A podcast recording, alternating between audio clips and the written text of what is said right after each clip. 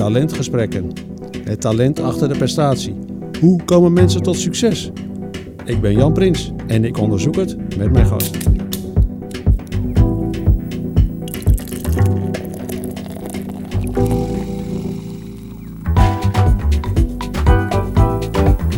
En dan ben ik inderdaad niet iemand die automatisch, omdat iemand anders iets anders zegt, denkt dat zal het zeker zijn. Zeker als het, als het haak staat op wat ik tegen ben gekomen en wat ik bij mij heel logisch dan lijkt, dan ga ik dieper erop in op dat onderwerp. En ook dat is weer mooi dat je dat dankzij internet kan. Want ja, 30 jaar geleden zou ik ervoor naar een Ja, ja. bibliotheek moeten gegaan zijn. En dat zou ik dan niet gedaan hebben. Maar waar ik inderdaad niet tegen kan, daar ben ik wel een beetje allergisch voor, dat mensen dingen zeggen vanuit, laat ik zeggen, een machtspositie. Ja. En dingen zeggen waarvan ik denk, ja, wat je daar zegt, dat klopt eigenlijk niet. Om dan daarmee aan maar toe te geven en te zeggen, ja, maar omdat jij daar eh, in die machtspositie zit, zeg ik ja en amen. Ja, zo zit ik dan weer niet in elkaar. Maar ik vind niet zo belangrijk wat andere mensen over mij denken. Nee. Dus mijn gedrag en wat ik doe, is niet gericht op dat andere mensen positief over mij denken. Nee. En het grote probleem is dan vervolgens, als je dan in de politiek leiders hebt die ehm, ja, niet autonoom zijn in het denken.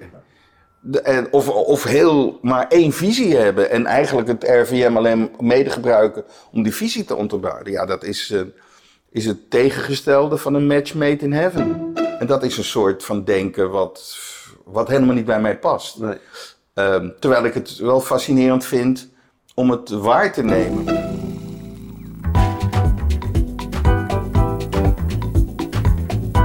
Naam is Jan Prins. Talentgesprekken voeren is een heel belangrijk onderdeel van mijn dagelijks werk. En daarom sta ik helemaal achter de volgende boodschap. Hoe mensen ontwikkelen en coachen. Samenwerking en performance verbeteren. Onze positieve talentmanagementmethode biedt de totaaloplossing. Hallo, wij zijn TMA. Nou, welkom bij weer een eh, talentgesprek. Deze keer zit ik met eh, Maurice de Hond. Maurice de Hond, ik denk dat jij mijn eerste gast bent die heel weinig introductie eh, behoeft. Iedereen eh, die kent jou denk ik eh, wel in Nederland. Je bent echt een hele bekende Nederlander. Al heel lang. Wij kennen elkaar ook al een, al een tijdje. Ehm, je bent voor mij een enorme inspiratie geweest eh 25 jaar geleden. Ja, toen was ik heel enthousiast over het internet. En dat enthousiasme deelden wij een beetje, want jij bent de auteur van ehm, Dankzij de snelheid van het licht. Misschien voor de mensen die dat inmiddels alweer vergeten zijn. Eigenlijk de hele internetrevolutie, die heb jij ja, helemaal voorspeld, hè? Ja, in 1995 een boek geschreven omdat ik er zo van overtuigd was Ja, dat internet ja, de hele wereld zou veranderen. En het was net begin, geloof ik, toen ik het schreef, was 1, 2 procent was bezig met internet op dat moment. En ik vond het gewoon leuk om het op te schrijven. ja. Ja, maar jij voorzag wel, dat we zeggen, de hele wereld die we nu hebben. In, ja, in grote lijnen wel. Ja. Maar voor mij was het een soort logische gevolgtrekking vanuit eh, wat ik op internet was tegengekomen en de ontwikkelingen die ik zelf had meegemaakt sinds midden van jaren 60. Ik heb in 1965 leren programmeren, dus ik heb die hele technologieontwikkeling heel dichtbij meegemaakt. En uiteindelijk was internet, ja, wat altijd al min of meer beloofd werd wat er zou kunnen gaan gebeuren door die technologie, maakte internet dat eigenlijk waar. Ja, maar ehm, jij voorzag iets, denk ik, eh, wat heel veel andere mensen om jou heen eigenlijk, die zagen dat totaal niet aankomen. Dus hoe, heb je daar een idee over, hoe, hoe kwam het nou dat jij daar zo ontzettend in voorop liep? Heeft dat altijd met je opleiding te maken? Nou, het heeft, het heeft vooral te maken met het feit dat ik inderdaad al met technologie heel omging vanaf 1965. En dat heel veel mensen op heel veel sleutelposities helemaal geen affiniteit met technologie hadden. Bedoel, in 1995 of 97, een directeur van een bedrijf, die, die zat zelf niet op een pc, die had zijn, eh, of op een computer, maar die had wel zijn mensen daarvoor, zei Ja. hij bij. En was daar bijna trots op dat hij dat deed.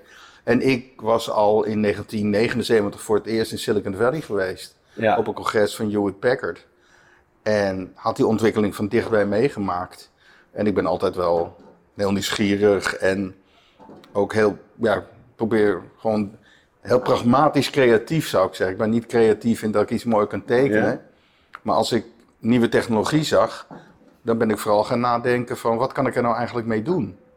En dat werd, zeker in 95 toen je internet zag, dat werd gewoon mind-boggling was het. Wat als je even goed daar nadacht, wat er allemaal zou kunnen gebeuren. En ja, dus die ervaring van technologie en mijn manier tegen dingen aankijken, dat was eigenlijk de match. Voor mij ben jij een visionair, uh, Maurice. Maar hoe kijk je daar zelf tegen? Ja, het is wat de definitie is van visionair. Maar ja, als ik me dat boek teruglees, dan denk ik dat ik inderdaad wel veel dingen gezegd heb die daarna zijn gebeurd. Maar ook als ik daarvoor was, in uh, bijvoorbeeld bij interview, marktonderzoek, heb ik ook heel erg veel snel technologie toegepast. En juist de combinatie technologie toepassen in een vroeg stadium, ja, dat, dat, dat, dat liep voor de, ja, voor de troepen uit. Voor de troepen uit. En dat ben ik altijd wel een beetje gebleven. Ik bedoel, ja, toen mijn dochter, is in 2009 geboren, 3, 4 werd, toen had ik ook het gevoel dat die iPad zo verschrikkelijk belangrijk zou worden. En dat, wat zag ik thuis dat kind al doen.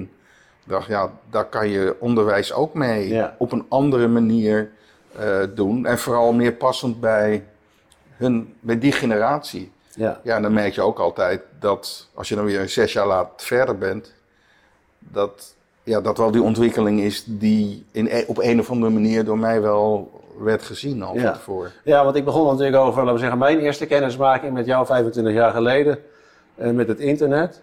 Maar eigenlijk met de Steve Jobs scholen uh, waar je mee bezig bent geweest. Uh, misschien ook wel met, wat nu natuurlijk heel actueel is, is jouw visie op de COVID-bestrijding. Het zijn allemaal, denk ik, onderwerpen waar jij volgens mij niet bang bent om tegen de stroom heen te roeien, om daar uh, je, je, eigen visie op dingen hebt en ook niet stroomt om die eigen visie, laten we zeggen, onder woorden te brengen. Maar wel, het begint bij jou wel met dat je een hele sterke eigen visie hebt, denk ik. Ja, maar dat komt omdat ik, uh, ja, en dat is eigenlijk ook wel technologie zo belangrijk in, als dat vergelijkt met vroeger. Voor mij is mijn belangrijkste informatiebron Twitter. Ik volg daar een stuk of 250 mensen in, die ik allemaal interessant vind, omdat die dingen tegenkomen in de wereld, wat zij interessant vinden en ook vaak de bronnen laten zien. Dus eigenlijk is Twitter voor mij, uh, dat zijn mijn verkenners, die ik dan volg. Ik gebruik het bijna niet in perso persoonlijke sfeer. Nee. En vroeger ja, las ik de krant, ik was een nieuwsjunkie, uh, elke, ja, meerdere kranten enzovoort.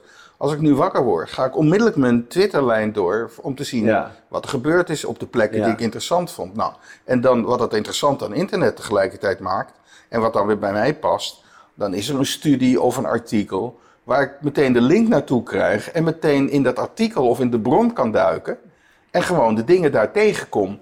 En dus niet alleen omdat meneer Jansen wat zegt, maar meneer Jansen schrijft, uh, doet de link erbij. En wat ik dan ook vaak doe, als het een interessante studie is, dan upload ik hem meteen naar mijn Evernote. Dus ik heb in mijn Evernote meer dan duizend studies, bijvoorbeeld nemen van COVID-19, van studies die ik vanaf het begin tegengekomen ben. En dan ben ik inderdaad niet iemand die automatisch, omdat iemand anders iets anders zegt, denkt, dat zal het zeker zijn.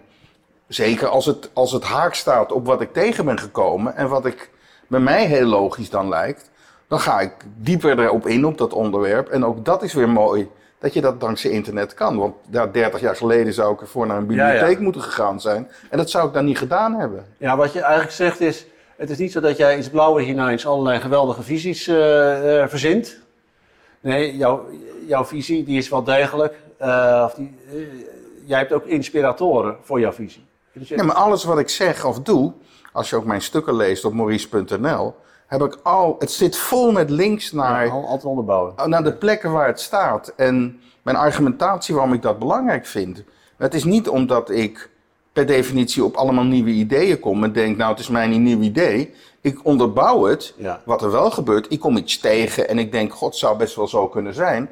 Maar dan ga ik zoeken of ik andere bronnen tegenkom die het waarschijnlijk maken van wat ik op dat moment denk. Ja. En dat is het prachtige. En daar komt misschien alles bij elkaar van, ja, vanaf mijn, vanaf dat ik 18 was of zo, dat ik eh, door die technologie nu in staat ben, en dat is internet dus, die heeft dat mogelijk gemaakt, en zeker de ontwikkelingen min of meer een beetje daarna al, na het start, om naar al die bronnen toe te gaan. En dat was vroeger niet mogelijk. Ik bedoel, stel dat uh, de heel COVID was begonnen in 1984.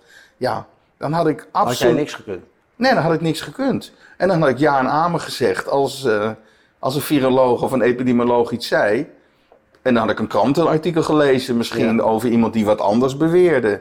En nu kom ik gewoon onmiddellijk um, dingen tegen die of het ondersteunen of juist het uh, aangeven dat het anders zit. En als het anders zit, dan staat er weer een link naar iets wat, uh, waar ze dat vinden. Dus ik lees bijna eigenlijk heel weinig maar kranten nog. Ga jij ook de discussie aan, actief, met mensen die, het er, uh, die dan een andere visie hebben? Dat, dat, doe je wel eens op tv. nee, ik doe dat heel graag zelfs. Ja. Dat, ik, vind het, ik kom het verst als ik tegenover iemand zit die vanuit zijn kennis en een opvatting heeft die niet uh, parallel zijn aan de mijne of haak staan op de mijne, ja. omdat ik dan verder kom. Ja. Alleen wat je uh, merkt, en zeker in de openbaarheid, dat ik wel redelijk wat mensen tegenkom die achter de schermen zeggen, nou, wat je zegt, dat in hoofdlijnen ben ik wel mee eens, maar dat naar buiten niet doen, omdat er een soort ja, uniforme lijn is waar... Groepsdruk ja, iedereen zich gaan conform, bijna conformeert. En ook de Nederlandse media, de traditionele media, zich erg gaan conformeren. En die dan proberen of bezig zijn om mensen die andere dingen zeggen of die wijzen op andere studies, om die zoveel mogelijk naar buiten te schuiven. Omdat dat uh, onwenselijk is voor het uh, centrale verhaal. Ja, en, en, dat staat ver bij jou vandaan, hè, denk ik. Ja, dat, dat, dat idee dat je omwille van, laten we zeggen, de cohesie binnen de groep uh, water bij de wijn doet uh, of je standpunt aanpast? Nou, ja, niet om, omwille van die cohesie. Ik, ik, ik ben best in staat, ik ben best compromisbereid in de zin van dat je, dat je gewoon van verschillende aanvliegroutes komt en dan te kijken wat is de optimale oplossing van verschillende kanten gezien. Maar waar ik inderdaad niet tegen kan, daar ben ik wel een beetje allergisch voor, dat mensen dingen zeggen vanuit, laat ik zeggen, een machtspositie. Ja. En dingen zeggen waarvan ik denk, ja, wat je daar zegt, dat klopt eigenlijk niet. Om dan daarmee aan maar toe te geven en te zeggen, ja, maar omdat jij daar in die machtspositie zit, zeg ik ja en amen. Ja, zo zit ik dan weer niet in elkaar. Nee. nee want als we bijvoorbeeld, laten we dan toch maar even de COVID. Ik wil het eigenlijk niet over de inhoud hebben, maar ik denk dat het proces van visievorming wel interessant is. Want zo'n OMT, ja, dat zijn, laten we zeggen, mensen die bij elkaar zitten. En ja, wat precies de discussie in de groep is, die komt denk ik meestal niet naar buiten. Misschien dat jij wel wat bronnen hebt, maar laten we zeggen, de argeloze mensen zoals ik, die zien dat niet echt. Uh, en dan denk ik dat, laten we zeggen, wat uiteindelijk vanuit zo'n OMT naar buiten komt, dat dat toch een soort van, ja, het resultaat van een bepaald groepsproces is. En als je kijkt hoe, ja, het is nog jij het doet, het is, nog erger. Het is nog erger, ja, maar als je kijkt, hoe jij dat doet, is dat jij denk ik dat je ontzettend goed informeert. Maar uiteindelijk is het wel uh, Maurice de Hond, die, laten we zeggen, alles uh, bekeken heeft en dan zegt: dit is, dit is waar ik voor sta. En nee, maar dat komt vooral omdat, omdat uh, de tegenkrachten eigenlijk dat debat niet aangaan. Ik, ik bedoel, ik zou het fantastisch vinden om met wie dan ook. graag met Van Dissel en zo. En, en dan denk ik dat ik verder kom. En ik hoop dat hij verder komt ook. Maar dat gebeurt eigenlijk niet, omdat ze dat andere verhaal helemaal niet willen. Dus dan zitten ze hier, uh, dan zitten je te framen als uh, cherrypicking. En hoe kan hij het nou weten, want hij heeft die opleiding helemaal niet gehad. Um, en zo ontwijken ze eigenlijk een gesprek. Terwijl, ja, ik bedoel, het onderwerp uh, aerosolen en de ventilatie, daar was ik echt maart, april vorig jaar. Dankzij dit proces, ja, achtergekomen. Niet omdat ik de eerste was die het bedacht heeft, maar omdat ik natuurkundigen tegenkwamen die dat zeiden. En dat leek me uitermate plausibel op basis van mijn data-analyses. maar dat kwam niet uit. Het heeft geduurd, denk ik, voordat jouw visie soort van is geaccepteerd. Ja, maar dat was niet alleen in Nederland trouwens hoor. Tot en met de zomer was het nergens geaccepteerd, omdat de WHO en de RVM van deze wereld helemaal op een ander standpunt zaten. Het zou vier grote druppels alleen gaan en door de lucht. Eh, dat was fake news, stond letterlijk bij de WHO. En dat is wat gaan kantelen in vorig jaar zomer, omdat een, groot, een groep wetenschappers, 239, een brief naar de WHO stuurde. En dat werd wel grootschalig in Amerika opgepakt. Dus in Amerika ontstond die discussie veel beter. Alleen in Nederland werd het amper opgepakt. Ja. En duurde het nog, eigenlijk nog steeds is het niet omarmd. Maar voelde jij dan niet af en toe een soort, misschien hele negatieve, maar een soort Don Quixote? Of dat je in je eentje tegen een hele grote tegenstroom aan het oproeien was? Want jij was al lang overtuigd. Er waren denk ik ook heel veel mensen, ik was er één van, die met jou overtuigd was dat jij het goede eind had. Dus je had wel heel veel, ik denk wel een schade volgers of mensen die het met jou eens waren.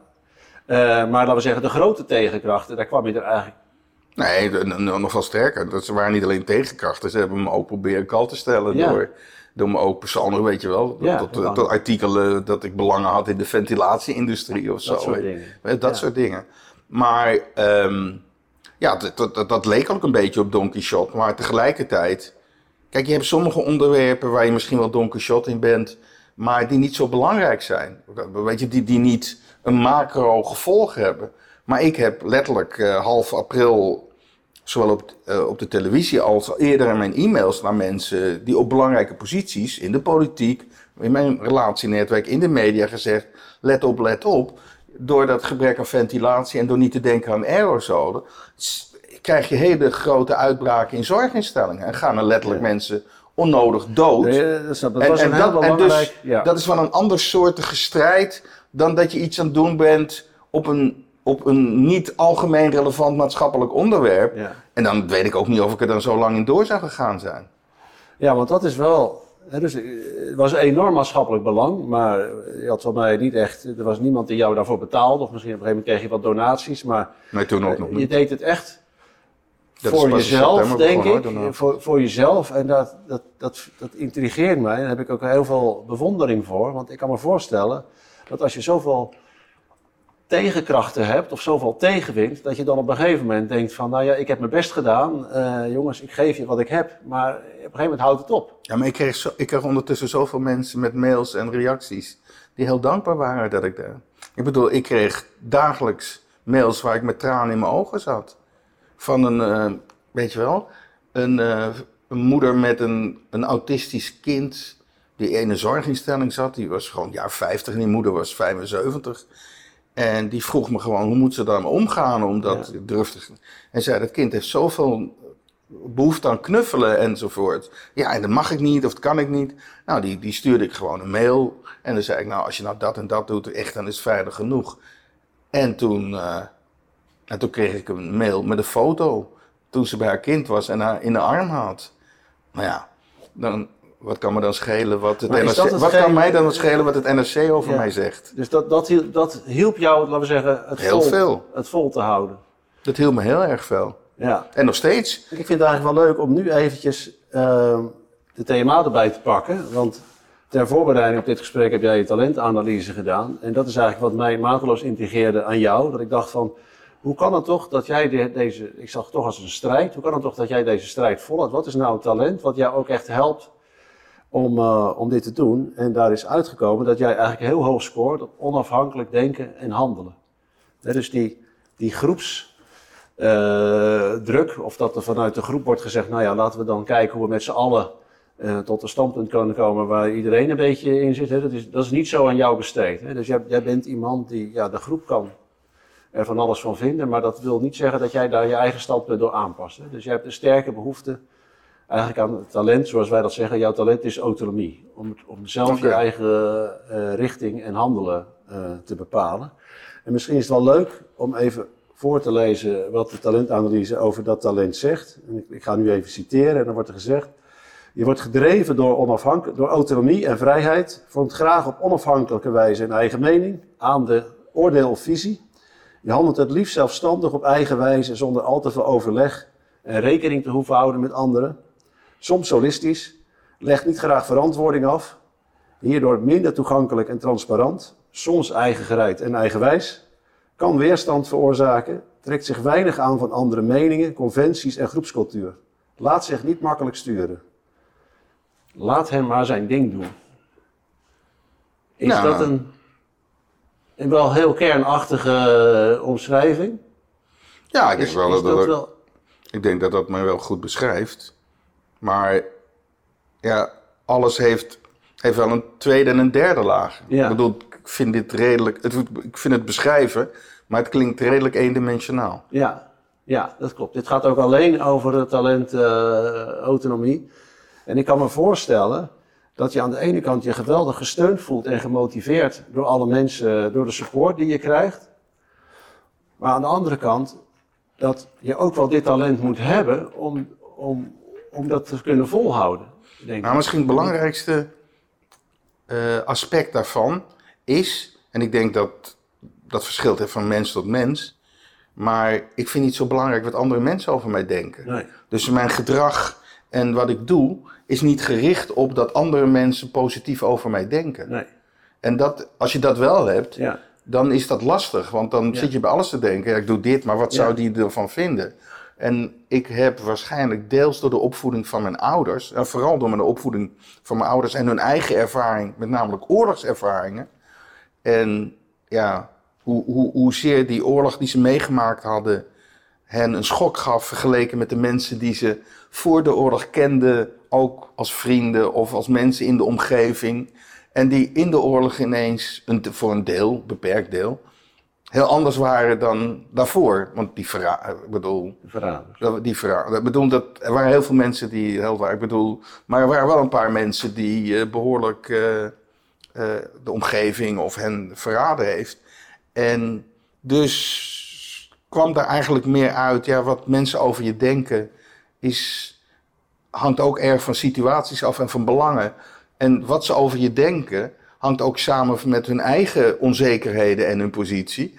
En juist om dan negatief over jou te oordelen, dat is voor hen dan een hulp om positief over zichzelf te oordelen. Ja, ja, ja, en ik heb eigenlijk vroeg al geleerd dat ik in dat proces niet mee moet gaan.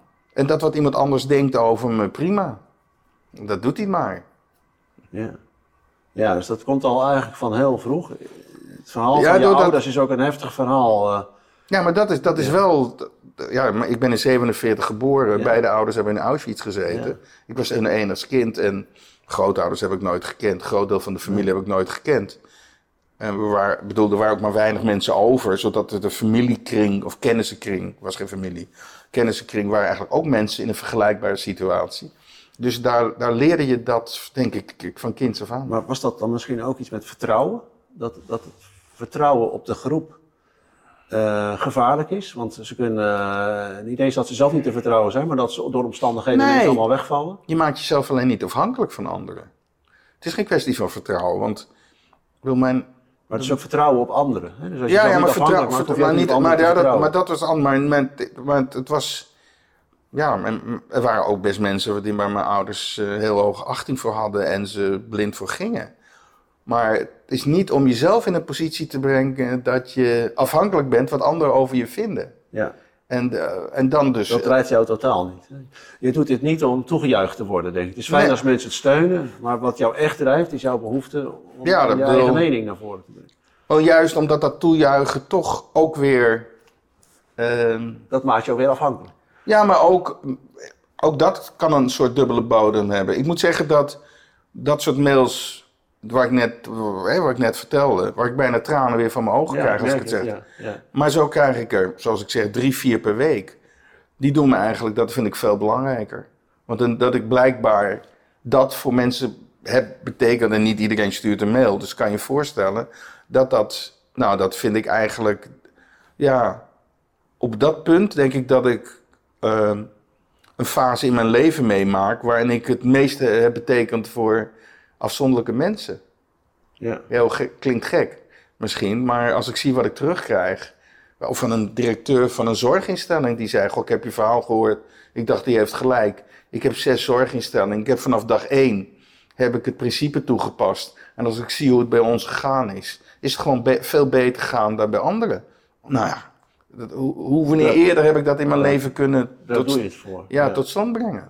En als er dan bijvoorbeeld nu eindelijk dan aandacht is voor ventilatie, uh, denk je dan van nou, het is niet voor niks. Ik heb dat toch ja. voor elkaar gekregen. Nee, maar sommige mensen zeggen gewoon, nou ja, ze doen eindelijk wat je gezegd hebt, maar ze noemen je naam er niet bij.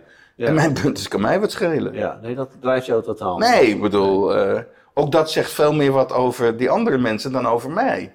Ik bedoel, ze weten het best, maar ze kunnen het niet eens uh, over hun, ja, Ze hebben niet eens de kwaliteit om dat dan te benoemen. Dus het, het, op twee punten eh, gaan ze de mist in. Ze hebben het niet tijdig onderkend. En op het moment dat ze het wel onderkennen, zijn ze ook niet bereid om als het ware een soort credit bij mij, mede bij mij, want ik ben natuurlijk niet de enige, niet neer te leggen. En dat maakt ze eigenlijk in mijn ogen eh, twee keer zo zielig. Ja. ja. Ehm, wat ik zelf ook een hele mooie vind, is dat, wat jij, jij doet eigenlijk het werk waar volgens mij ook honderden mensen bij EDVM uh, mee bezig zijn. Uh, laten we zeggen, ik weet niet of er honderden zijn, maar er zijn best wel een hoop mensen daarmee bezig om op basis van die data. Jij doet dat eigenlijk allemaal in je eentje. Uh, en als ik mag zeggen, ook denk ik eigenlijk beter. Als ik jouw stukken lees, dan denk ik van, nou ja, ik begrijp het en volgens mij is het goed onderbouwd.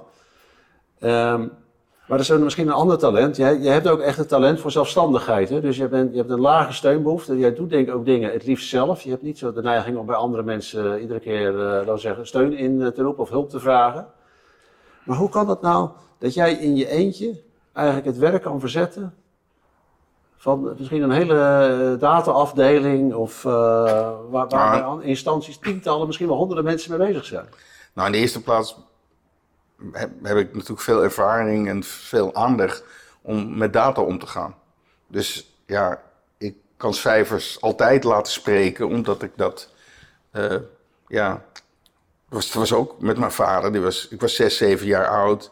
En mijn vader was een uh, grossier groente en fruit. En elk weekend moest hij dan rekeningen opmaken. En zo, ja, ik kan me herinneren, denk ik 7, 8 was, dat hij dan mij liet na, vond het leuk om mij te laten kijken of de optellingen klopten. En het alfabetiseren. Maar ik was altijd met cijfers en mijn vader eigenlijk ook. Dus als ik, als ik een optelling zie van 100 cijfers, dan weet ik of het goed is of niet, zonder dat ik optel. En met tabellen zie ik wat de relatie is. Dus heel veel dingen, ook in die medische studies die je dan leest, wat ik eigenlijk nooit wist, want ik las die nooit. Dat gaat eigenlijk ook allemaal om statistiek. Ja. Dus cijfers analyseren, verschillen bekijken. Nou ja, en ik, als er cijfers zijn, dan voel ik aan mijn water of iets klopt of niet. Laat ik het zo even zeggen. En als dan iets niet klopt of relaties kloppen niet, dan vind ik het gewoon leuk om zoveel mogelijk naar de bron te gaan. En het dan in een spreadsheet te zetten, de cijfers over te nemen en eens te kijken wat is er aan de hand. Ja, ja dat, daar ben ik als waar in getraind. En ja, dankzij internet weer kom je zo snel bij de basis. Ja, uh, dat je, en ik heb allerlei Excel-sheets waar, ik waar ik data naartoe haal, waar ik het dus tegen af kan zetten. En dan merk je gauw of er een, uh, wat er gezegd wordt, of dat ondersteund wordt door data. En het probleem natuurlijk voor al die mensen die bij het RVM werken, dat hun data-analyses vaak ook uh, strategisch-politieke uh, insteken hebben.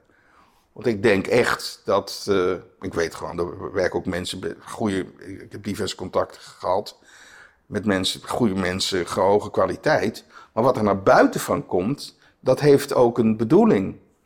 Dus dat betekent niet dat ze intern bepaalde dingen niet weten.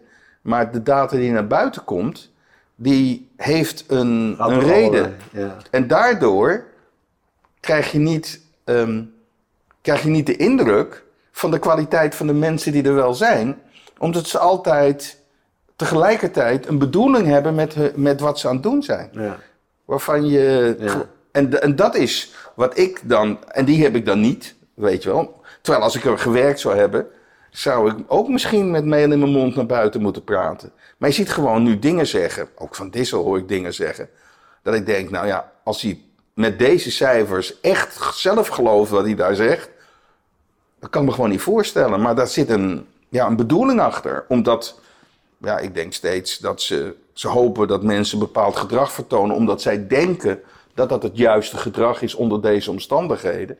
En ze gebruiken data om dat gedrag tot stand te brengen. En eigenlijk zouden ze het andersom moeten doen? Ja, ze moeten dat ook andersom de data, doen. De data zou het beleid moeten bepalen. Ja, maar je, je zou data onafhankelijk moeten laten verzamelen door mensen die totaal geen verder belang hebben. En die data zo breed mogelijk beschikbaar te stellen.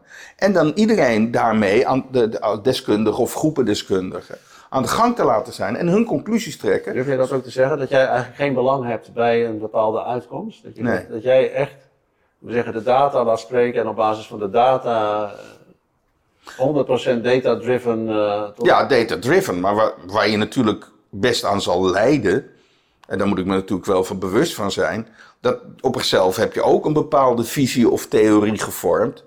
En dan heb je natuurlijk wel het risico dat als je data ziet, dat je die data uh, laat passen in dat wat jouw aanname was. Dus daar moet je juist, moet je jezelf ook wel voor wapenen. En ik, dat zal ik ook wel eens een keer in een valkuil vallen. Maar ik weet wel dat ik, uh, ja, ik ben van tevoren niet met bepaalde meningen erin gegaan dat dit wel zou moeten werken of niet zou moeten werken. En op basis van data kom ik dan verder. Um, en dat merk ik, en dat niet alleen bij de RVM, maar ook internationaal dat. En sommige landen zijn er beter in hoor. Dan, zeker Nederland loopt qua data echt heel erg achter. Qua kwaliteit data, maar vooral misbruik van die data. Maar ja, het, het, het ja, juist in een grote gebruikt om te framen, dat is eigenlijk wat je zegt. Ja, maar het erge is, kijk, we zitten in een wereld, we zijn in 2021, als we de laatste 20, 30 jaar goede, veel goede opgeleide mensen, veel ervaring ook met ICT en andere manieren, dan kom je in een crisis en dan denk je, weet je, hoe je een crisis het beste kan oplossen om zo massaal mogelijk de kwaliteiten die er in die samenleving zijn, zowel intellectueel als de, de, de capaciteiten, om die aan te spreken, om dat probleem op te lossen. En te zeggen, hier de data, hoe zou je deze aanpak nu gaan doen? En vervolgens aan de hand van de data komen met elkaar tot de beste op. Ik denk dat jij ook zo praat, omdat dat jouw talent is. Jouw talent is dat je onafhankelijk bent, dus niet laten leiden door de groep. Jouw talent is dat je zelfstandig wil zijn. Dus niet, laten we zeggen, een heel apparaat van mensen om je heen nodig hebt. Jouw talent is ook dat je bijvoorbeeld heel besluitvaardig bent. Jij, jij kan snel besluiten nemen. Ik denk dat je dat ook graag doet op basis van data, want dat helpt jou. Maar dus voor jou is dat een heel logische aanpak, denk ik, omdat het helemaal aansluit bij jou als persoon. Maar je kunt je ook voorstellen, als mensen, laten we zeggen, veel meer teamgericht zijn en dus veel meer de neiging hebben te, te luisteren naar wat anderen zeggen of dat mee te nemen in hun eigen overwegingen of als ze überhaupt een heel apparaat nodig hebben van mensen om, om überhaupt wat te kunnen. Hè, dat dan denk je niet zo. Ja, maar het is ook een soort um, basiskaraktereigenschap. Ja. Een basiskaraktereigenschap was wel, dat is het bedrijf waar ik dan wel gewerkt heb, waar ik zo breed mogelijk probeerde kwaliteit van mensen tot uh, wasdom te brengen. Ik weet dat we toen we toen we bijvoorbeeld uh, begonnen met telefonisch enquêteren, toen hadden we eigenlijk mensen nodig die uh, die konden programmeren met dat systeem. Ja. Nou ja, we, hadden een jongen die was koerier bij ons en die bleek daar talent voor te hebben. Nou, het was toch geweldig om die jongen. En die is ontzettend omhoog geklommen in het bedrijf. Dus ik, ik ben juist, ik, probeer, ik heb altijd geprobeerd om mensen vanuit hun eigen kwaliteit te laten werken. En vooral niet top-down allerlei dingen op te leggen. En dat is een soort, misschien dat is mijn basisinstelling als persoon. En, zo, en ik denk dat bij problemen je juist moet zorgen dat je zoveel mogelijk deskundigheid van zoveel mogelijk kanten inschakelt. Maar stel nou dat het RIVM, voor mij heb je er wel een paar keer naar gesolliciteerd. Stel nou dat, laten we zeggen, in het OMT plaats zou worden gemaakt, een stoel zou worden ingeruimd voor jou. Nou, ik denk niet dat dat, dat gaat werken. Want, uh, want dan zit je nog steeds met een OMT zoals het nu is. En zoals het, wat je gewoon merkt dan zitten ze bij elkaar en uiteindelijk neemt Van Dissel de beslissing. En dan moet de rest ongeveer conformeren wat ze met elkaar hebben gedaan. Dus zou, je zou de stoel van Van Dissel... Uh, ja, dat is de enige de plek. De enige stoel waar je... Nee, maar de enige plek. Niet omdat ik dan uh, aanleiding geef van het OMT, maar omdat ik dan zou zorgen dat er zo breed mogelijk uit de samenleving allerlei geluiden en allerlei deskundigheden worden ingeschakeld. En juist mensen van verschillende invalshoeken met elkaar tot de beste beslissing komen. En niet omdat ik vervolgens gezegd heb, nou, de beslissing die ik bedacht heb is de beste. Nee, ik denk dat met die mensen bij elkaar, die mensen tot een veel betere beslissing kan komen dan waar ik kom. En hem dan ook veel beter, ook in de samenleving, gedragen kunnen laten worden. In plaats van wat er nu min of meer gebeurt, waarop ze denken: ja, dit is de beste aanpak. Om ongetwijfeld uh, uh, goede redenen, denken zij. Ik bedoel, het is niet zo dat ze kwaad willen, maar dat is hun conclusie. En dan lijkt het erop dat zij alles um, richten om, om dat uh, over het voetlicht te brengen. En dan heb je. En het grote probleem is dan vervolgens, als je dan in de politiek leiders hebt die. Uh, ja, niet autonoom zijn in het denken. de- en of, of heel maar één visie hebben en eigenlijk het RVM alleen mede gebruiken om die visie te onderbouwen. Ja, dat is, eh, is het tegengestelde van een match made in heaven. Ja. Ja, dat is een boeiende. Want hoe denk jij dat Van Distel scoort op deze drijfveer? Hoe, hoe Op deze? Op, op- hoe onafhankelijk denk je dat hij denkt? Of hoe, hoe zou zij... Ik denk dat het wel een onafhankelijk denker Dat denk is. ik eigenlijk ook, ja. Ja, maar ik denk dat hij op de karakteristiek koppig nogal hoog scoort. Maar dat is misschien ook wel één. Eh, Nou, dat, ik denk dat wat, wat, waarvoor hij moeite mee heeft, denk ik, als ik het zou moeten inschatten, is te erkennen dat het, wat hij een jaar geleden dacht eigenlijk niet waar was toen. ja. Maar dat het heel valide is om het toen te denken. Ja. En te zeggen, ja, jammer maar helaas. Toen wist ik het nog niet, Ja. nu weet ik het wel. En Ik kan me voorstellen dat hij dat als wetenschapper dat hij dat perfect vindt. Maar dat hij zo in die politieke context is gezogen. Dat het, exact. zeggen, herzien van je meningen, dat dat niet meer... Ja, maar eh, dat is het grote drama wat er gebeurd is en nog steeds gebeurt. En zeker in Nederland, dat, het, dat je ook als ze iets anders langzamerhand doen, dan zijn ze het zo aan het brengen alsof het eigenlijk hetzelfde was wat ze altijd dachten. Ja. In plaats van te zeggen, we hebben de strategie veranderd. Ja. En dan als je uitlegt, dat hebben we veranderd. Want Een van de mooie dingen vond ik, dat vrij snel was al duidelijk dat je amper of niet besmet kan raken door voorwerpen aan te raken. Dat is echt, al in mei vorig jaar was het evident. In, eh, nou. En heb jij ooit in Nederland gehoord dat eh, vervolgens de deskundigen zeiden, nou dat we dachten in het begin dat dat heel verschrikkelijk was. Maar dat blijkt bijna geen risico te zijn. We hebben nog steeds mensen die smetvrees hebben. Waarom? Omdat die deskundigen niet bereid zijn om te zeggen, nou de kans dat het via dat gebeurt, hebben we wel gezegd in het begin, dachten we allemaal, prima. Maar dat is het niet. Nou, dat is wat volgens mij de grote, de, de kern van de problematiek van die crisis is. Dat wat je ondertussen leert, juist die mensen niet met ons delen Ja. en eigenlijk vooral bezig zijn om hun vorige posities nog eh, eh, te handhaven. Omdat ze bang zijn, ja, kijk eens als je nog ziet wat eh, Van Dissel in augustus vorig jaar over aerosolen gezegd heeft. Ja, dat, als je dat echt kijkt wat er internationaal bekend is, is dat een beetje lachwekkend wat hij toen zei. Alleen het, eh, maar eigenlijk was dat niet lachwekkend, want dat kan je nog voorstellen. Ja. Alleen het is lachwekkend dat hij het nu nog steeds zegt. Ja, omdat hij, ja, dat zullen we niet, dat weten we niet, of het nou de politiek is of in hemzelf zit.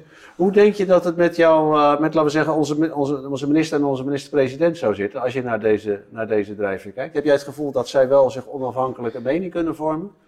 Of dat zij heel erg hun oren naar elkaar en naar. eh, Nou, dat weet ik niet. Maar ik bedoel, ja. Kijk, Rutte heeft natuurlijk één kwaliteit die bijna niemand in Nederland zo heeft. Hij slaagt er gewoon in met een grote groepen in die politiek te communiceren. eh, steeds als een eh, leuke, eh, vriendelijke man te zijn. En ehm, zonder dat er evident is wat hij eigenlijk nou wil. En als er risico's zijn, die- legt het bij anderen. En hij blijft daar los van. Ik heb zelf ook heel goede contacten, omdat ik hem ook al ontmoet had toen hij nog bij de JOVD voorzitter was. Heb ik, tweede, heb ik een keer een lezing ook gegeven. En sindsdien ken ik hem. En ja, ik bedoel, eh, wat dat betreft is hij ontzettend emabel. En ook, en een vol- mooi en Volgens mij luistert hij op andere terreinen heel goed naar jou. Als het gaat over eh, politieke standpunten. Of als hij daar, als het, laten we zeggen, wil weten hoe bepaalde zaken leven in de bevolking. dan heb je Ja, maar natuurlijk luistert niet naar mij, maar Maar dan doe jij wel je onderzoek. Waar, waar, Ja, wel, maar er zijn anderen die ook onderzoek doen en zal zelf ook wel soorten onderzoek doen. Ja, nee, hij is wel pu- pu- puur zo'n politicus. Die, eh, en dat, dat, dat zal ontzettend samenhangen met zijn persoonlijkheid. Ik bedoel, het, het past hem als een, eh, hoe, weet, hoe is de uitdrukking ook weer? Als een sok of een pak of zo. Als, het zit hem als gegoten. Ja, Het zit hem als gegoten, ja. Ja. Ik kwam er even niet op. ja maar het Nee, hem is ook eentje. Ja. Die moet je nog even die kijken. twee vervu- Maar goed, dat zie je gewoon. Daarom kan hij het ook zo lang volhouden. En heb je nog steeds het gevoel dat hij s'nachts goed slaapt. Ja. Dus ik denk dat een van de kwaliteiten van mensen in de politiek is dat je wel bepaalde doelstellingen hebt, maar heel erg bezig bent met compromissen en compromissen. Ehm, dat je dingen zegt en besluit die eigenlijk niet zijn wat je zelf vindt, maar ja, Ja. toch een ander doel hebt, omdat dan toch denkt, nou dan bereik ik het indirect. Of ja, ik bereik niet dit, maar dan bereik ik toch nog wel dit, want anders komt er niks. En dat is een soort van denken wat, wat helemaal niet bij mij past. Nee. Ehm, terwijl ik het wel fascinerend vind om het waar te nemen, maar meer zoals ik een, eh, een serie bekijk of een toneelgezelschap bekijk. Maar als ik dan ehm, de jongen bekijk, die heeft iets wat dat betreft, maar die is ook politicus, die, zal, die, die is aan was in zijn hoedanigheid als politicus, ook als wethouder eh, en, en later eh, ook, ook als minister, maar dan in een wat andere positie, ook best bezig om eh, compromissen te vinden en dingen tot stand te brengen. Alleen die is nu in een totaal andere rol terechtgekomen. En daar zie je dat, dat het grote probleem eigenlijk volgens mij voor de jongen is. Omdat hij uitermate dogmatisch is ten aanzien van, van deze crisis. En, uh, en eigenlijk daardoor in een, in een sterk geïsoleerde rol terechtgekomen is. En dogmatisch bedoel je mee dat hij niet uh, doet aan uh, nieuwe inzichten?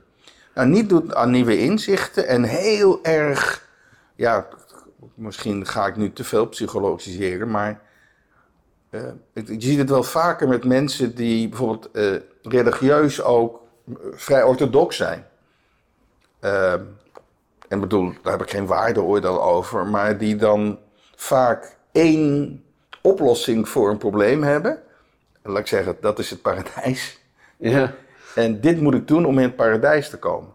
En wat je ziet bij, bij de jongen, is dat ja, vaccinatie vanaf dag één voor hem het ultieme paradijs was. En dat hij dan um, uiteindelijk min of meer uh, in zijn hoedanigheid meer een, uh, meer een marketingman geworden is ten aanzien van vaccinatie, dan in zijn beleid af, afweegt. Wat eigenlijk het doel wat we willen bereiken? Ja, wat doel willen bereiken en voor wie het wel en voor wie misschien toch niet. En, uh, en ik denk dat dat het grote probleem voor de jongen is, dat hij in een andere rol terechtgekomen is dan de rol die hij eigenlijk had die je als politicus hebt. Dus compromissen te, enzovoort met elkaar tot oplossingen te komen. En in deze crisis zijn ze, en dat, en dat met een ondersteunende rol van het OMT, het RVM, zijn ze ontzettend dogmatisch bezig. Denk je ook niet dat ze een beetje uh, lafjes zijn in die zin dat ze dat, uh, laten we zeggen, de besluitvorming eigenlijk steeds argumenteren met dit is wat het OMT zegt, terwijl het OMT eigenlijk alleen maar, laten we zeggen, één aspect van, van het maatschappelijke elementen uh, benadrukt, namelijk de gezondheid, en niet, laten we zeggen, de andere afweging. Nee, en daarvoor, ik bedoel, dat is ook natuurlijk uh, uh, Rutte ten voeten uit. Het is, kijk, het, het, het is makkelijker om je te achter de rug van het OMT te gaan staan, maar welke rol natuurlijk een hele belangrijke is, want anders zou het toch anders zijn, is de rol van de media die. Kijk, de, de kern is natuurlijk dat heel veel mensen heel erg bang zijn geworden. Ik noem dat het Bergamo-syndroom, door wat er toen gebeurde. Inmiddels is dat iets minder, maar ik merk toch nog wel behoorlijk veel mensen die heel fundamenteel bang zijn. En die zijn ontzettend bang gemaakt door, dat, door de media, die, daar, die dat voortdurend aan het mhm. uitvergroten zijn. Waarom doen die media dat? Omdat een groot deel van de kijkers ook bang zijn. Ja, een dus bang in, land. Hè? Ja. Slecht nieuws is goed, slecht nieuws Ja, maar in dit geval... Bang ook. Ja, maar in dit geval merk je, en dat heb ik ook vanaf het begin eigenlijk gemerkt... dat als jij een wat ander verhaal had dan het centrale verhaal... werden mensen alleen maar angstig en gingen ze trappen. Als ik naar Angela de Jong kijk, die is gewoon hysterisch angstig. En het slaat alleen maar rond, ja, slaat alleen maar om haar heen bij iedereen. Die, die heeft jou persoonlijk gewoon, ik ken haar, dat is tv-recensent is bedoeld. Ja, die heeft ongeveer vier, vijf, ja. ja. vier, vijf keer heeft ze me ja. aangepakt. Dat, dat, gaan we niet serieus nemen, Maurice. Daar gaan we geen Nee, nee, nee, nee, nee, nee, maar, nee, maar dat gaat niet om het serieus nemen, nee. maar het gaat om het gedrag verklaren.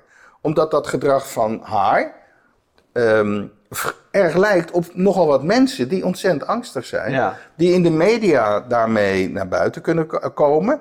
En die die angst uh, en die is onder een behoorlijk deel van de bevolking, ja, die maakt het voor politici heel moeilijk om, om beslissingen te nemen waar ze wellicht risico op lopen dat ze later uh, vanuit die angst van die mensen op worden afgerekend. Maar zou jij dan toch niet beter op je plaats zijn als jij wel die eindverantwoordelijkheid had?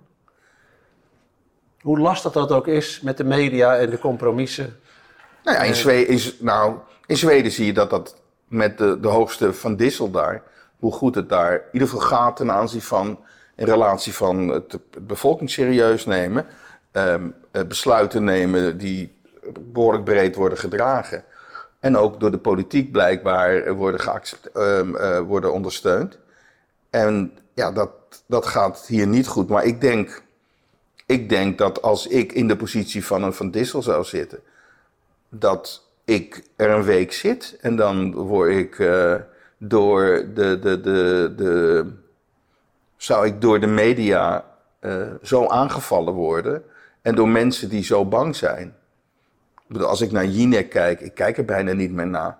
Want het is alleen maar een, een, een soort variant op hysterie. Maar is dat dan toch jouw rechterrug? Die dan ervoor zorgt dat je zegt, ja, ik hoor wat je zegt, maar ik ben het niet met je eens.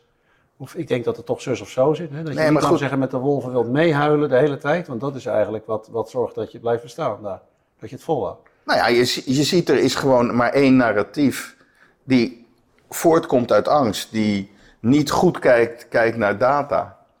En die vervolgens uh, geen ruimte biedt om een, iets anders te doen. Dus als ik, Waarom zou als ik morgen morgen van weggestuurd worden, denk je? Waarom ik zou weggestuurd worden omdat avond aan avond bij Op 1 en bij Jinek en in kranten wordt gezegd hoe gevaarlijk dat beleid is. ehm, en dat die keuzes zijn. En dat vervolgens ehm, vanuit angst het overgrote deel van de mensen mij liever niet zou hebben.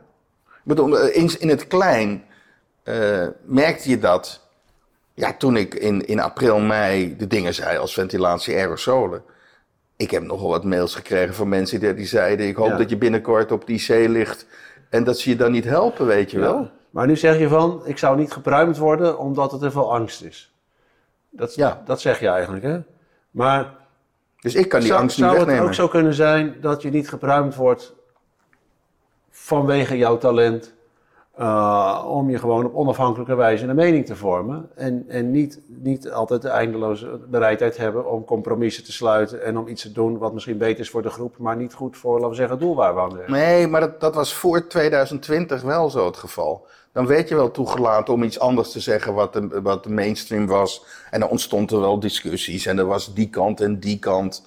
En dat waren nog best zinnige discussies. En daar werd je niet verketterd. Ik bedoel, daar, daar ontstond wat. En dan waren er mensen die wel achter je stonden of niet achter je stonden. Maar dit is vanaf, vanaf maart 2020 is de wereld wat dat betreft een heel andere. Daar is geen ruimte, bij mensen die heel bang zijn, is er geen ruimte voor een alternatief verhaal. Omdat zij zich zo vastklampen aan één verhaal.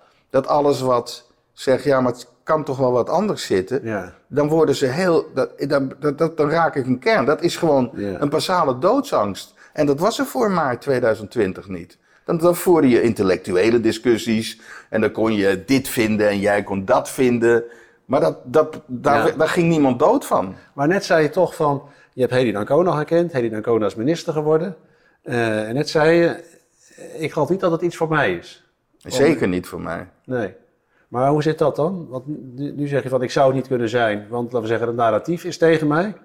Ehm, maar maar waarvoor, waarvoor zei je dan net dat, dat het niet iets voor jou zou zijn, los van het narratief? Nou, omdat ik, omdat ik, wat voor mij dat belangrijk is, en dat hangt dan misschien weer bij, bezig met wat mijn talent of karakter is. Ja, als ik echt vind dat iets bepaald zou moeten gebeuren, Ja.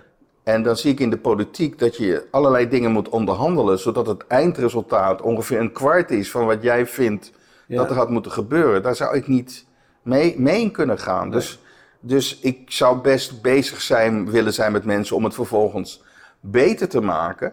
En te denken, ja, met dat erbij is het beter. Maar ik zou niet kunnen met vier, vijf partijen praten zodanig dat iedereen ermee kan instemmen. Weet je wel, dat je zegt, ja, ik vind dat, maar ja, deze partij is ook op dat mee? niet, dus dan moeten we dit eraf. Ja, oh, zo is het ook nog wel. En dan is het altijd een slap aftreksel Ja. van wat je zelf wil en vindt. En dat, daar ben ik niet in voor gebouwd. Nee. Nee, dat is eigenlijk wel een mooie. eh, dan zijn we weer terug waar we begonnen, want dat is natuurlijk jouw talent. Dus, dus denk hoe jij, nu, hoe jij daar nu mee bezig bent, past eigenlijk Dat zit jou als een jas, dat is het. Het zit jou als Oh, een jas was- volgens mij. Dat is de uitdrukking, ja. Dat zit jou als een jas. Ja. Daar kun jij eigenlijk redelijk autonoom, met niet al te veel eh, supporting eh, organisatie om je heen, kun jij eigenlijk in, in vrijheid, want dat is wel, je kunt het wel in vrijheid je mening geven. Misschien dat je niet overal wordt uitgenodigd, maar je leeft wel in een land waar het wel kan. Ja, maar en dat, en dat, ja zeker.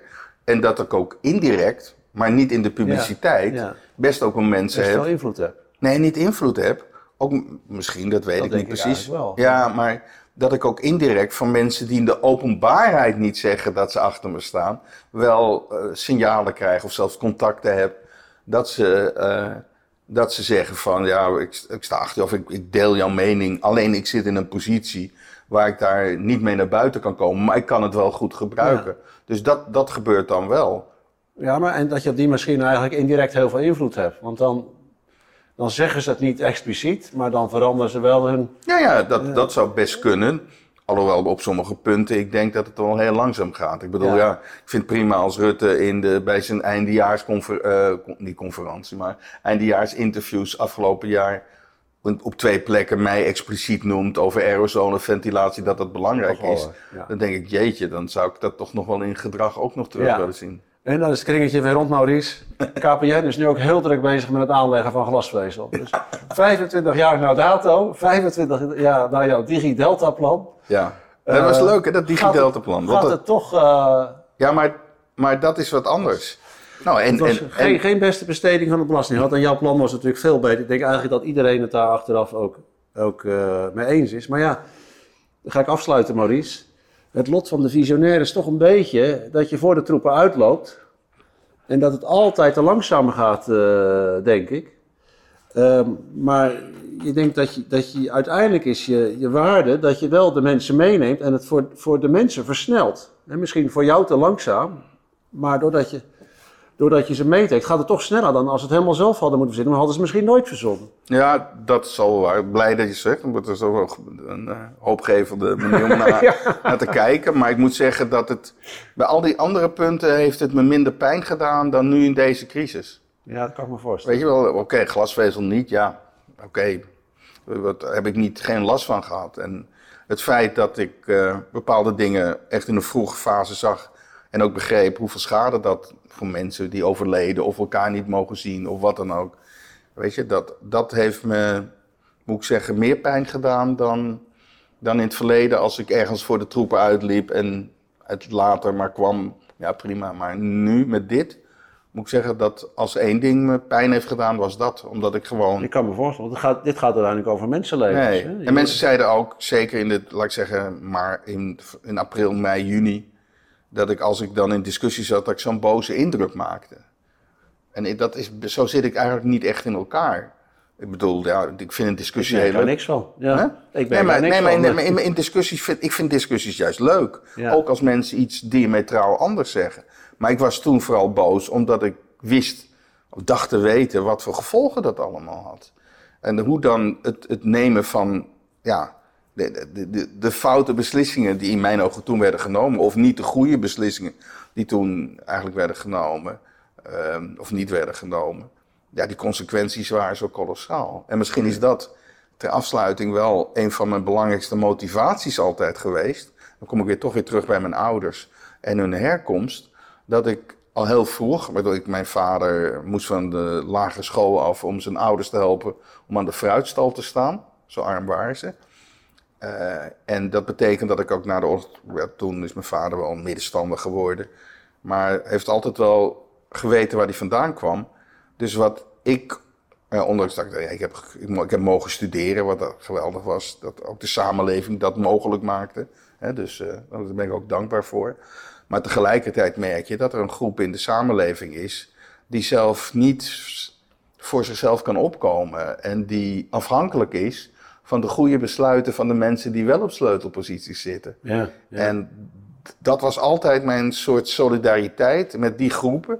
Dat ik dacht, als ik ergens van opkom, ook bijvoorbeeld over internet enzovoort. Een van mijn componenten van het DigiDelta-plan was dat je juist zorgde dat de ouderen Iedereen moet meedoen. mee kon doen. En dat je dat eh, niet alleen geldelijk een probleem zou zijn, dat je dat ophief, maar dat je ook eh, iets instelde dat die ouderen geholpen werden door jongeren om mee te kunnen enzovoort. Dus ik was altijd, ik denk dat dat nog misschien de, mij het meest gemotiveerd heeft om mensen die eigenlijk afhankelijk waren van besluitvorming van mensen in belangrijke posities, als die niet goed meegaan. Kijk, als een directeur van een bedrijf niet goed met de tijd meegaat, dan zal hij komt altijd wel terecht. Maar werknemers Ja. en de familie daarachter zijn ontzettend afhankelijk of die man al, al dan niet, die topmensen, de goede besluiten nemen. Ja. En dat was wij solidariteit altijd geweest. Ja. ja. Maurice, ik dank je wel. Graag gedaan. We geven elkaar gewoon een hand. Natuurlijk. Super, eh, super fijn dat je jouw eh, talenten eh, met ons wilde delen. En ik vond het een heel leuk gesprek. Ik hoop dat jij er ook van hebt genoten. Ja, zeker. En ik vond de hele, de hele analyse vond ik ook heel boeiend. Dus eh, we hebben nu maar één deeltje gedaan. Ja. Maar ik vond het heel, eh, ja, ik vond het een hele interessante spiegel. En wat ik altijd leuk vind van gesprekken zoals deze, maar ook als ik geïnterviewd word over wat mijn drijfveren zijn. Dat dat, dat de momenten zijn dat ik erover na zit te denken. Ja, ja, ja. En doorgaans doe ik dat niet. Ja. Ja, je krijgt toch even een spiegel eh, Ja, zeker. voorgehouden. Ja, en ik denk ook dat het heel belangrijk is dat je, eh, zolang je maar iets doet waar je talent voor hebt, eh, dan, dan voelt het goed voor jezelf. Hè? Dan, dan, dan krijg je er energie van en dan kun je het volhouden. Want ik snap best dat je een beetje teleurgesteld bent over het resultaat. Je wil natuurlijk altijd meer, beter, sneller, eh, van alles. Maar zolang je zelf in je talent zit, kun je het wel heel lang volhouden. Zeker. En ik hoop dat als we het over de COVID hebben, dat je het niet zo heel lang meer hoeft vol te Nee, houden. Dat er een keer een eind eh, aan, aan, aan Ik jouw ben bang, dagelijkse... bang voor niet, maar ik Nee. hoop het wel. Nee. Ik, eh, laten we dat positief afsluiten. Oké. Laten we hopen dat het snel eh, voorbij gaat. Dankjewel, Maurice. Graag gedaan. Dat was hem weer. Fijn dat je helemaal tot het einde van dit talentgesprek bent gekomen. Wil je geen volgend talentgesprek missen? Abonneer je dan op mijn YouTube-kanaal als je er graag beeld bij hebt. Of voeg de podcast Talentgesprekken toe aan de bibliotheek op je favoriete podcast-app. En ik moedig je natuurlijk ook graag aan om deze aflevering leuk te vinden en te delen met je vrienden en collega's. Nou, ben je naar aanleiding van dit gesprek geïnteresseerd geraakt in de TMA? Of zou je wel eens willen weten wat jouw talenten eigenlijk zijn? Stuur mij gerust een e-mail jan.priman.nl